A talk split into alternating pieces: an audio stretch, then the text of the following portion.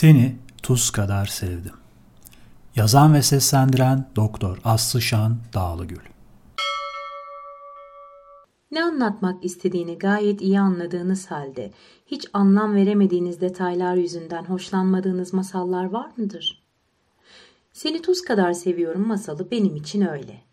Beni ne kadar seviyorsunuz sorusuyla evlatlarını yarıştıran, çocuklarından birinin tuz kadar cevabındaki mecazı anlamadan üstelik anlamını sorma gereği bile duymadan ülkeden kovan, hatta bazı versiyonlarında öz evladını cellatlara teslim eden o padişahın masalın sonunda nasıl da kolay affedildiğini hiç anlayamamış olmakla beraber anladığım net bir gerçek var. O da bu masalın dillendirilmeye başladığı yıllarda bile Anadolu insanının tuza çok mu çok düşkün olduğu. Dünya Sağlık Örgütü'nün sağlıklı bir yaşam için önerdiği günlük tuz tüketimi 4-6 gram civarında. Peki biz ne kadar alıyoruz dersiniz? Toplumumuzun tuz tüketimini ölçmek için yapılan Saltürk çalışmasına göre günlük ortalama tuz alımımız 18 grama varıyor. Buna göre Türkiye dünya sıralamasında uzun yıllardır ilk üçte sıklıkla da birinci sırada yer alıyor. Saltürk çalışması verileri bize eğitim düzeyi düştükçe tuz tüketiminin de arttığını gösteriyor. Ayrıca erkek ve obez bireylerde tuz tüketiminin daha fazla olduğu da saptanmış. Yani hem Türk hem erkek hem de obez iseniz yakında hipertansiyonla tanışacağınızı öngörebiliriz. Tabi zaten bir hipertansiyon hastası değilseniz. Çünkü aldığınız tuz daima ezeli dostu su ile beraber hareket eder ve fazla tuzlu su da kan basıncını yükseltir.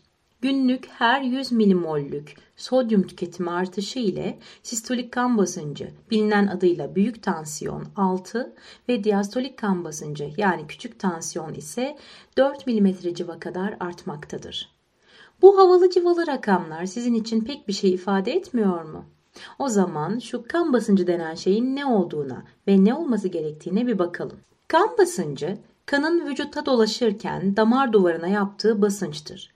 Kolunuza yerleştirilen tansiyon aletleri kolunuzdan geçen atar damarınızın içindeki kanın damar duvarına yaptığı en yüksek ve en düşük basınçları ölçer.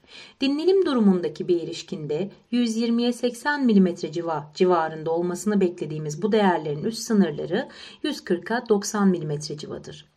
Bu değerlere bakarak sağlıklı bir birey ile hastalık sınırının arasının çok da açık olmadığını kolaylıkla fark edebilirsiniz. Peki şimdi 100 milimol tuz artışıyla 6 milimetre civalık bir yükseliş endişe verici olmaya başladı mı? Sizi korkutmak için hazırlanmış bu alacakaranlık kuşağı yazısı 100 milimolün de neye karşılık geldiğini anlatırsak görevini başarıyla tamamlayabilir.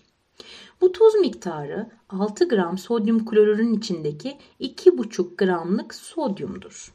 Günlük tuzun %15 kadarını yemeklerden, %5 kadarını tabağınıza ektiğiniz tuzdan, geri kalan %80 kadarını da işlenmiş gıdalardan alırsınız. Hazır gıdalara, tuzlu kuru yemişlere ve özellikle fast food'a düşkünseniz, evde pişirilen yemekleri bol salçalı veya soya soslu seviyorsanız, e bir de zaten tuzu olan yemeğin üstüne sofrada tuz ekiyorsanız, sevdiğiniz kişiye seni tuz kadar seviyorum diyerek gerçekten ikna edici olabilirsiniz. Ama bu yazının bir aşk fizyolojisi yazısı olmadığını ve ilişkinizin uzun ömürlü olmasının sizin de uzun ömürlü olmanıza bağlı olduğunu hatırlatmak isteriz. Çünkü maalesef aldığınız tuz size belki de sevgilinizden bile daha sadıktır. Gıdalarla alınan sodyumun %95'ten fazlası bağırsaklar tarafından emilirken böbreklerden her gün süzülen yaklaşık 25 bin milimol sodyumun sadece 100 milimol kadarı idrarla atılabilir. Yani sodyum size kendini sevdirmeye ve bir kez kanınıza karıştıktan sonra sizi terk etmemeye adeta and içmiştir. Bu ant tuzun intikamıdır ve intikam isteğinde de son derece haklıdır. Herhangi bir hücremizin canlı kalabilmesi için tuzlu suya ihtiyaç vardır ama mümkünse hücrenin dışında. Hücrelerin içi de dışı da suyla kaplı olmasına rağmen içeride bol miktarda potasyum, dışarıda ise sodyum vardır. Bu iyonların miktarlarındaki en ufak bir değişiklik yaşamı tehdit eder. Bu yüzden hücre zarlarımızda bulunan sodyum potasyum ATPaz isimli bir pompa bu uğurda doğumdan ölüme kadar hiç durmadan çalışır. Sodyumlar dışarı, potasyumlar içeri. Hiçbir şey yapmadan bütün gün yatsanız bile bu pompa kantar içinde çalışır. Her seferinde dışarı atılan sodyumu da azmedip bulduğu her fırsatta içeri sızmaya kalkar. Ama hücre zarı hepimizin ilkokuldan beri bildiği üzere seçici geçirgendir ve kapıdaki bodyguardların kuralları da nettir. Damsız girilmez. Sodyum da bulduğunun koluna yapışarak partiye katılmaya çalışır. Böylece bağırsaklardan şeker ve amino asitlerin emilmesinden tutun da asit baz dengesinin sağlanmasına kadar birçok yerde görev almış olur.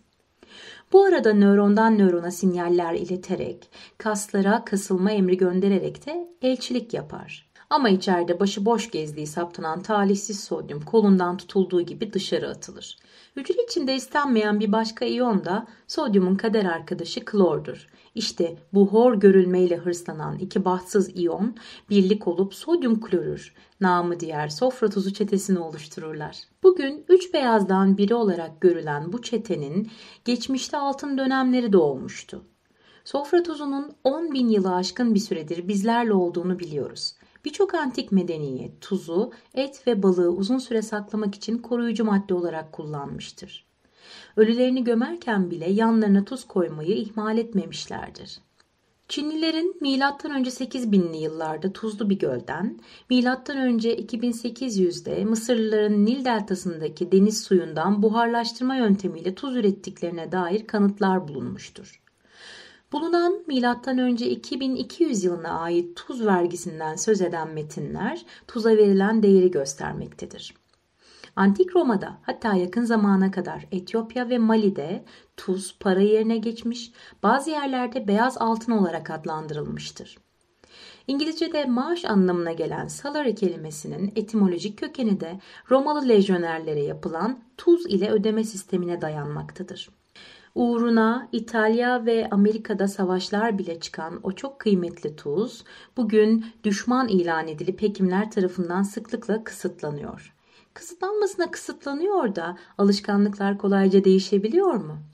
Ağzımızın tadı tuzu olan sodyum klorürün alternatifi var mı?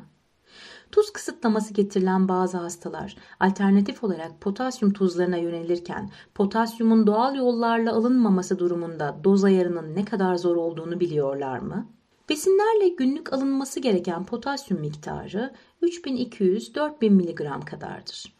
Potasyumun kandaki değeri çok sınırlı bir aralıkta tutulmalıdır. Zira azlığında da fazlalığında da kalp durabilir. Bazı ülkelerde potasyum klorür iğnelerinin idam mahkumlarının infazında kullanıldığını hatırlatalım. Dolayısıyla potasyumu yüksek, sodyumu az tuzlarda dikkatli kullanılmadığında geleneksel sofra tuzumuza sağlıklı bir alternatif oluşturamamaktadır. Kaya tuzu da iyi tuz, doğru tuz gibi ifadelerle sağlam bir çıkış yapmış olsa da hipertansiyon açısından maalesef bundan da medet ummak anlamsızdır. Çünkü kaya tuzu da %97.4 oranında sodyumdur. Dahası bazı kaya tuzlarının bileşiminde insan sağlığı için zararlı olduğu bilinen plütonyum, talyum ve radyum kurşun gibi maddeler az miktarda da olsa bulunur. Dolayısıyla 4-6 gram bölü gün aralığında herhangi bir sorun oluşturmuyorken 16-18 gram gibi yüksek tüketim değerlerine çıkıldığında yine aynı sorunlarla karşı karşıya kalırız. Tuz deyince hepimizin aklına gelen çok kıymetli bir diğer element de iot. Özellikle Karadeniz gibi iot eksikliği bulunan bölgelerde tuza eklenen iyodun tiroid bezi büyümesi anlamına gelen guatrı azalttığı bilinmektedir. İyot, tiroid hormonunun temel yapı taşlarındandır ve eksikliğinde tiroid hormonu yeterince sentezlenemez. Eksikliğinde erişkinlerde metabolizma yavaşlar, zihin durgunlaşır, bağırsaklar bile tembelleşir.